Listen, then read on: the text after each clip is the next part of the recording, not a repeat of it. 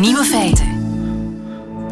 Dag en welkom bij de podcast van Nieuwe Feiten, gebaseerd op de uitzending van 9 juni, 9 juni 2020. In het nieuws vandaag dat hoe rozer, hoe agressiever blijkt uit Brits onderzoek. Onderzoek naar flamingo's, uiteraard. Wat dacht u? De wetenschappers onderzochten het gedrag van flamingo's in gevangenschap tijdens de voedertijd en merkten dat wanneer de flamingo's allemaal uit één kleine kom moesten eten, de dieren veel agressiever werden. En de eersten om op de vuist te gaan waren de rozeste flamingo's. De verklaring is simpel. Het roze van het verenkleed krijgen flamingo's van de kleurstoffen in hun voedsel.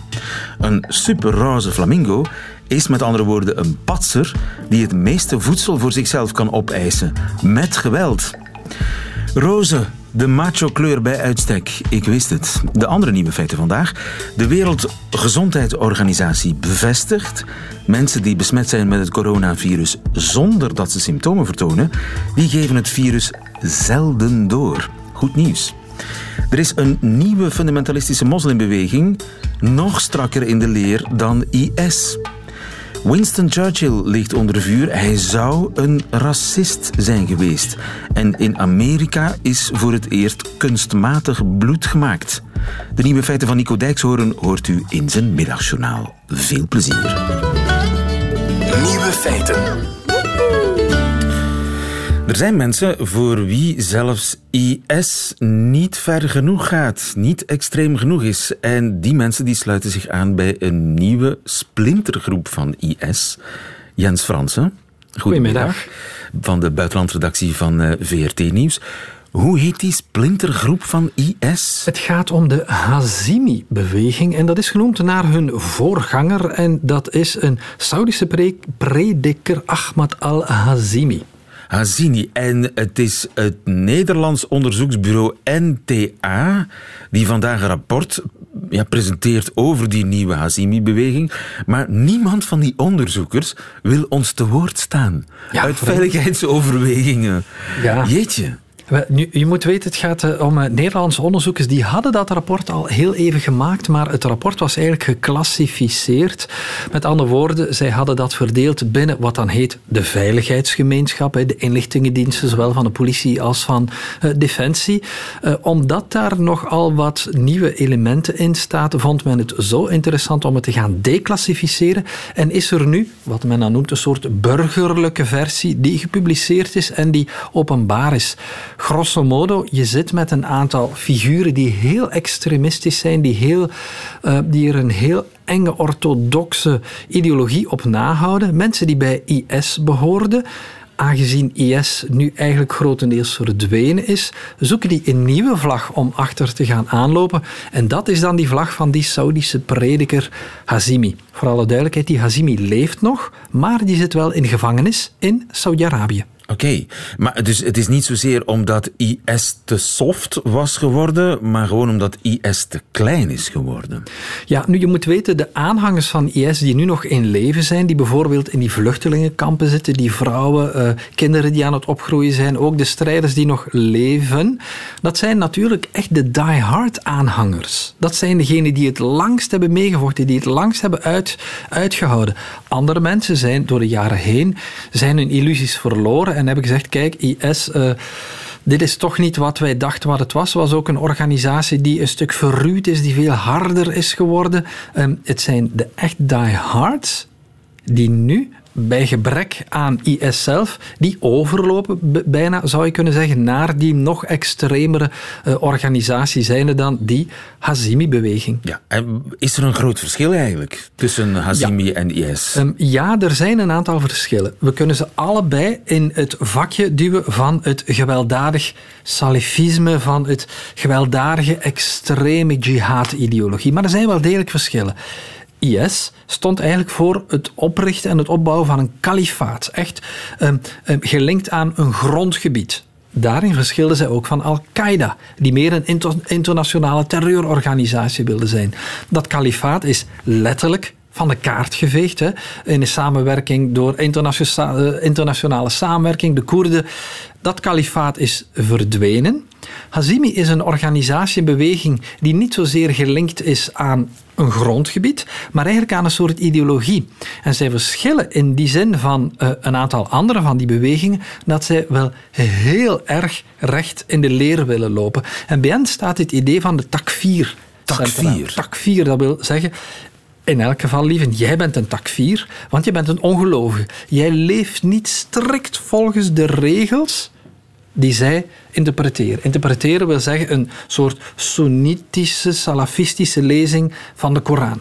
En die is heel erg streng. Bij IS, bij eh, IS was dat ook al, maar bij hen is dat nog strenger in die zin dat er eigenlijk een soort kafirketting kan bestaan. Met andere woorden, het is voldoende dat jij een kafir bent, een ongelovige volgens hen, en dat ik nog contact met jou onderhoud, dat maakt mij onmiddellijk ook tot een kafir. En het moeilijke is nu, is dat er een heel grote geheimhouding is. Met andere woorden, groepen kunnen elkaar gaan uitsluiten. Mensen kunnen elkaar gaan uitsluiten, soms zonder dat het tot een proces is gekomen.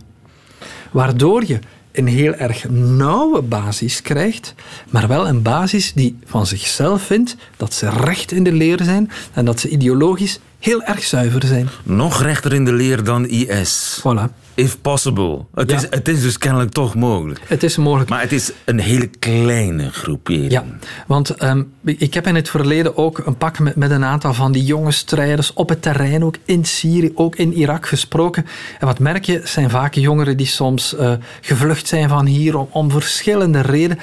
Maar de meeste van de mensen, de grote groep, zijn daar ook maar mensen die ook fouten maken, die ook alledaags leven, alweer dan een beetje zoals jij en ik. En wat je dan merkt met dit soort heel erg versmalde ideologieën, is dat dat heel populair kan zijn bij een klein groepje diehards, maar dat het heel moeilijk is om daarmee een brede beweging uit te vormen. Betekent dat niet dat een aantal van die mensen heel erg gevaarlijk kunnen zijn? Absoluut. Maar om met dit soort ideologie een heel brede beweging uit te bouwen, dat is heel erg moeilijk. Ja, maar je hoeft met niet veel te zijn hè, om heel veel schade aan te richten. Dat, dat klopt, dat klopt. De Hazimis weer een gevaar bij. Dankjewel, Jens. Goedemiddag. Nieuwe feiten. Belangrijke mededeling van de WHO, de Wereldgezondheidsorganisatie vanmorgen. Dragers van het coronavirus zonder symptomen, die geven het virus niet of nauwelijks door. What proportion of asymptomatic individuals actually transmit We have a number of reports from countries who are doing very detailed contact tracing. They're following asymptomatic cases, they're following contacts, but from the data we have, it still seems to be rare that an asymptomatic person actually transmits onward to a secondary individual. Ja, en dat zei Maria van Kerkhoven van de WHO, Amerikaanse arts, van wie de naam Vlaamse roots doet vermoeden. Goedemiddag, Pierre van Damme. Goedemiddag. Epidemioloog van de Universiteit van Antwerpen. Dus mensen die zonder symptomen toch drager zijn van het virus, zegt Maria van Kerkhoven van de Wereldgezondheidsorganisatie. Die geven het virus niet of nauwelijks door. Dat is fantastisch nieuws, hè? Toch? Dat klopt. En, en eigenlijk gingen alle huidige gegevens al een beetje in die richting. Alleen krijgen we daar nu meer en meer wetenschappelijke bevestiging van. En dat is natuurlijk wel belangrijk. Ik denk dat wat de Wereldgezondheidsorganisatie hier vooral wil onderlijnen, dat is enerzijds de nuance tussen iemand die drager is van het virus en tussen de besmettelijkheid van een persoon. En, en ik denk dat dat een belangrijke nuance is. Dus als je natuurlijk niet gaat beginnen hoesten, uh, vochtig spreken, uh, druppels gaat uitbazuinen tijdens een of ander kooroptreden, dan uh, gaat er niet veel gebeuren, ook al heb je virus in jezelf. en dat is, dat is een heel belangrijke nuance die we moeten maken, die we eigenlijk altijd al een beetje gemaakt hebben, want dat past ook in de, in de vaststelling dat wij altijd gezegd hebben, die kinderen, hè, herinnert u, bij het opengaan van de scholen, die kinderen zijn waarschijnlijk veel minder besmettelijk dan volwassenen. Ja. Maar we konden dat nooit goed aantonen. We konden alleen aantonen dat ze veel minder ziek werden, dat was duidelijk.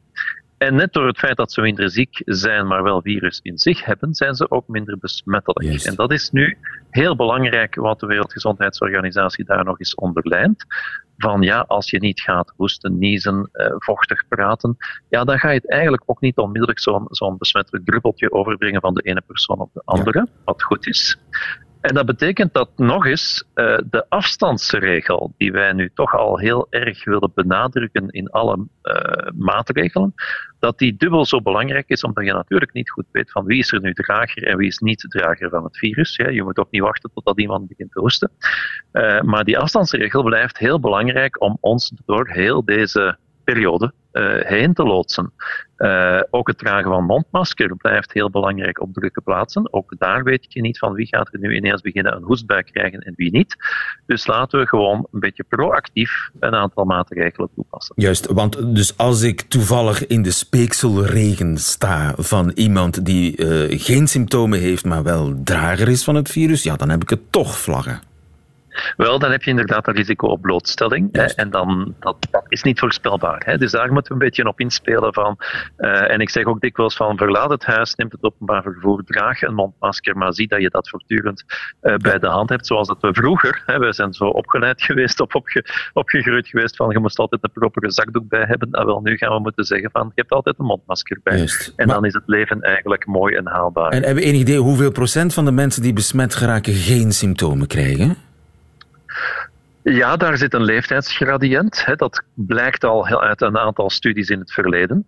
Uh, dat veel kinderen veel minder symptomen ja. hebben. Maar in totaal is dat iets van, van de helft? Of is dat 80 procent? Of uh, hoeveel is dat? We hebben daar enig idee van? Bij, ja, bij, bij volwassenen, ik zou zeggen bij gezonde volwassenen, schat men dat toch wel 30, 40 procent drager is van het virus zonder symptomen. En echt geen symptomen, hè? gewoon geen idee echt, hebben. Echt geen symptomen, Bizar. klopt inderdaad. En dat gaat wel toenemen. Hè? Dus men gaat wel zien dat bij, naarmate men ouder wordt, gaat men meer symptomen vertonen. Naarmate dat men jonger wordt, gaat men minder symptomen vertonen. Ja, maar laten en... we zeggen, in de gemiddelde bevolking zal dat ongeveer een 30, 40 procent ja, zijn. En moesten die mensen even besmettelijk zijn als mensen die wel degelijk symptomen hebben, ja, dat zou pas heel slecht nieuws zijn, want dat zou betekenen dat COVID-19 als een soort stille moordenaar door de samenleving kan sluipen. Als er in cafés en op metro's mensen die ogenschijnlijk gezond zonder het zelf te weten over de hele, het hele café, het hele treinstel virussen zitten te verspreiden. Dat is dus niet aan de orde. Nee, dus die, die verspreiding hangt dus wel degelijk inderdaad uh, samen met de symptomatologie, hè, wat zo te noemen, uh, met het hoesten, het niezen en natuurlijk het dicht bij elkaar gaan zingen of luid gaan praten. En dat maak je wel mee op café. En dus moeten we daar toch wel goed nadenken uh, over die, die afstandsregel. Ja, we krijgen steeds meer zekerheid, we hebben steeds meer feiten, we hebben steeds meer zicht op wat er precies gebeurt. En dat, is, dat maakt uh, ja, het gemoed toch iets geruster. Hè? We kunnen iets uh, slimmer zijn in onze exit-strategie. Dat klopt, absoluut. En dat is goed nieuws. Dankjewel Pierre van Damme. Goedemiddag. Graag gedaan. Goedemiddag nog.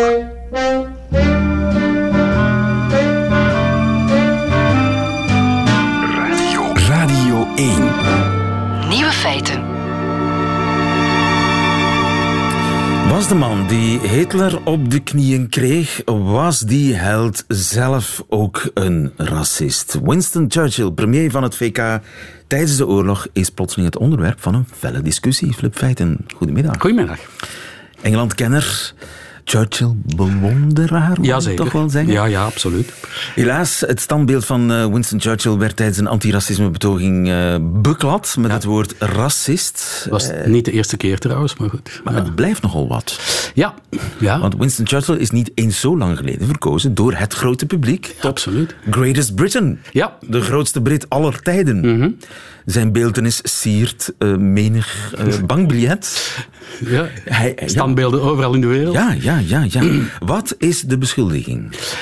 Uh, dat hij racist was. En, um, je, je, kan daar niet met zomaar ja of nee op antwoorden, helaas. Ik moet nuanceren. Heeft hij ooit iets geschreven of gezegd dat je racistisch zou kunnen noemen? Met de ogen van vandaag is het antwoord erop ondubbelzinnig ja. Wat heeft hij dan gezegd? Of oh, geschreven? hij heeft verschillende dingen gezegd. Uh, ik, ik, kan je bijvoorbeeld voorlezen um, over, over de... Um, uh, in Indianen die uitgemoord zijn, zeg maar, toch uh, verjaagd zijn door de Amerikanen, zei hij: I do not admit that a great wrong has been done to the Red Indians of America or the black people of Australia.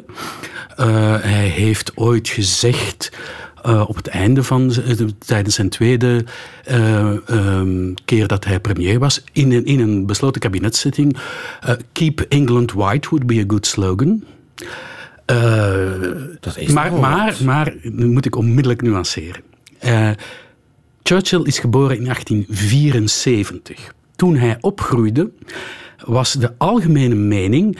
Um, ja, iedereen uh, hing een soort wat men nu noemt uh, een theorie van sociaal Darwinisme aan. Dat wil zeggen, sommige races, je moet oppassen met het woord race bij Churchill, want hij bedoelt daarbij volkeren, zijn hoger geëvolueerd dan anderen. En dat betekent dat er een hiërarchie is tussen de volken. En wie staan er bovenaan? De witte. Ja. In uh, Churchill's, ja, ja, in Churchill's persoonlijke, ja, niet alle weten. In Churchill's persoonlijke variant uh, stonden helemaal bovenaan, om precies te zijn, Britse, witte, protestanten. Oké, de katholieken stonden een trapje lager. De katholieken stonden een trapje lager. Uh, Duitsers stonden ook een trapje lager, want die, die spraken geen Engels. Ehm, Joden stonden heel hoog. Eh, want die, die rekende hij daarbij. Okay. Ja. Uh, maar mensen van kleur stonden lager op de ladder. Maar... En daar zijn geschriften van. bedoel, dat is, dat is geen roddel. Dat, dat, nee, dat, is...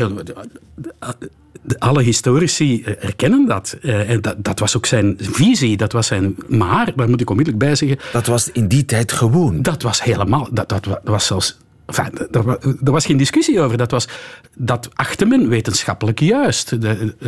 Het was taken for granted. Dus kan je zeggen dat die Ook onder wetenschappers? Onder wetenschappers, onder het gewone volk. Dat, het sociaal Darwinisme. Ja, dat, dat, en, en, bij hem had dat ook te maken, niet zozeer, denk ik, met kleur, maar wel met ontwikkeling het, je moet, ja, op dat moment was Groot-Brittannië, ja, maar ook technologie, uh, de, de ontwikkeling van de parlementaire democratie, uh, wat dat betreft voor hem, enfin, dat was een Het had niet met pigment in de huid te maken, stond... het had gewoon met ontwikkeling te maken. Ja, zij, waren nu eenmaal... Precies, het, het, was de tijd van het Britse wereldrijk, hè. dat was het grootste rijk, dat had tentakels over alle continenten.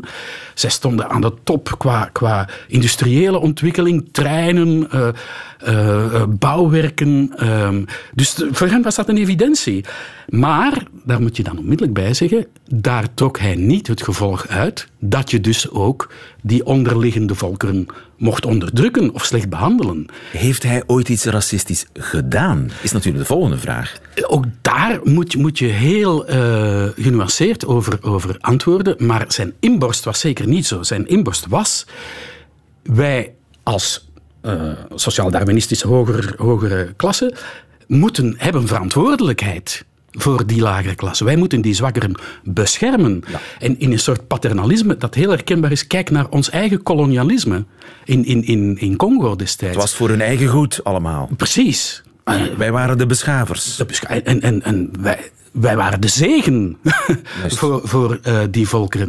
Dachten en, wij toen, en, dat was toen algemeen ja, ja en soms ging je daar zelfs in tegen zijn tijdgenoten. Bijvoorbeeld, Zuid-Afrika maakte deel uit van het uh, empire. Hè?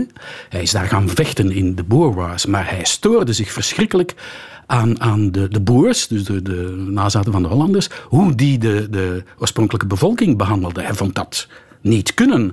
En hij, hij maakte hen razend, want hij schreef bijvoorbeeld, en dat, dat ga ik even citeren, uh, hij schreef over a future society in which black is to be proclaimed the same as white, to be constituted as legal equal, to be armed with political rights. Dus hij streefde er ook naar dat, uh, dat, dat, dat, de sociale vooruitgang Dat laat toch weinig twijfel, ja, die uitspraak. Precies.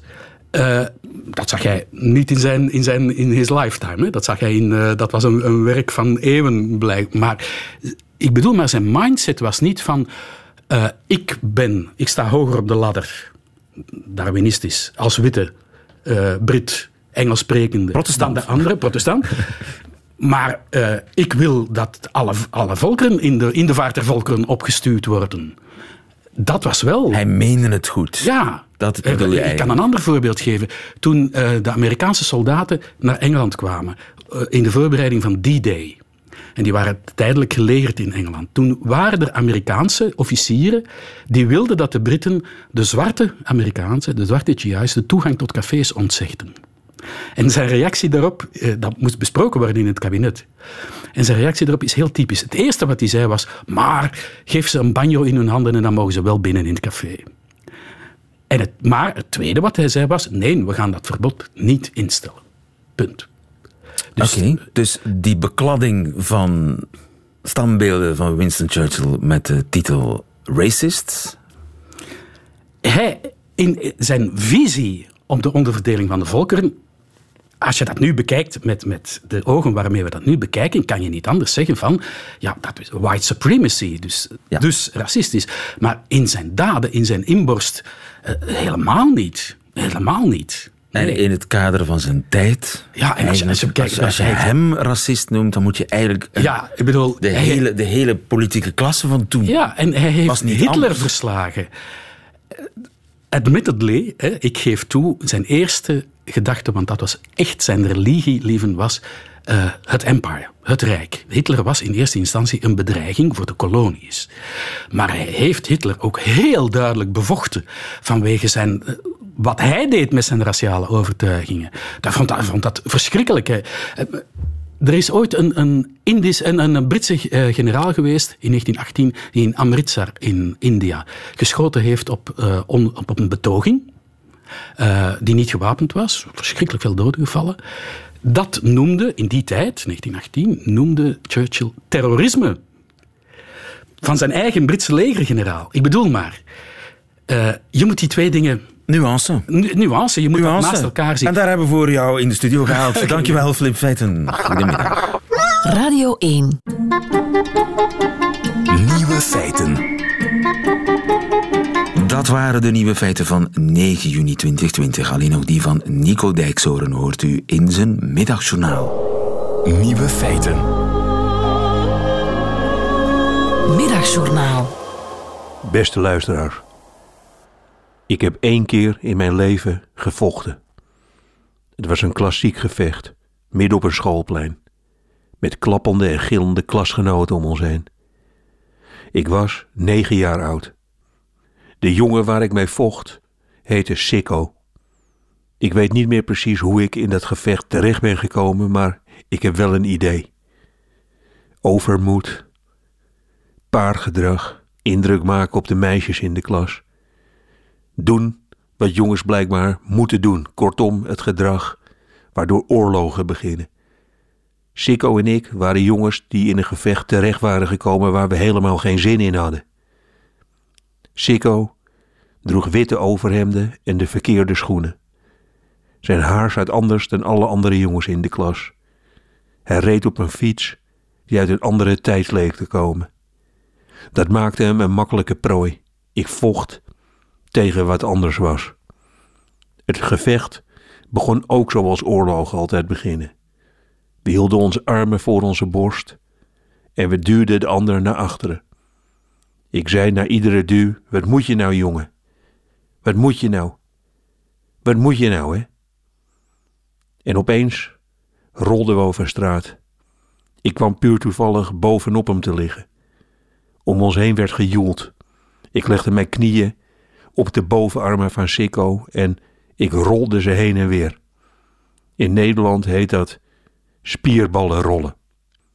Daarna werden we door een leraar uit elkaar gehaald en gebeurde wat er in oorlog eigenlijk nooit gebeurt. We besloten een kwartier na de vechtpartij gewoon maar gewoon vrienden te zijn. Maar dat was niet het gedroomde einde. Een dag later stond de moeder van Sikko mij op te wachten bij de school. Ze heeft een kwartier met mij gepraat. Ze vroeg steeds maar weer waarom ik haar zoon had vernederd. Ik kwam nota bene bij hun over de vloer. Ik at soms bij Sikko. Zij, Sikko's moeder, ze maakte heerlijke boterhammen voor me. Waarom vocht ik met iemand die geen vlieg kwaad deed? Wat bezielde mij, vroeg ze. Ik dacht aan Sikko toen ik twee weken geleden een Amerikaanse agent met zijn handen in zijn zak, het hoofd van George Floyd tegen het asfalt zag drukken, net zolang tot hij dood was. George Floyd riep tijdens het sterven om zijn moeder. George zijn moeder moet net zoals de moeder van Sikko zijn geweest. Iemand die begreep dat je domme, vrede jongetjes maar op één manier kunt vernietigen. Met liefde.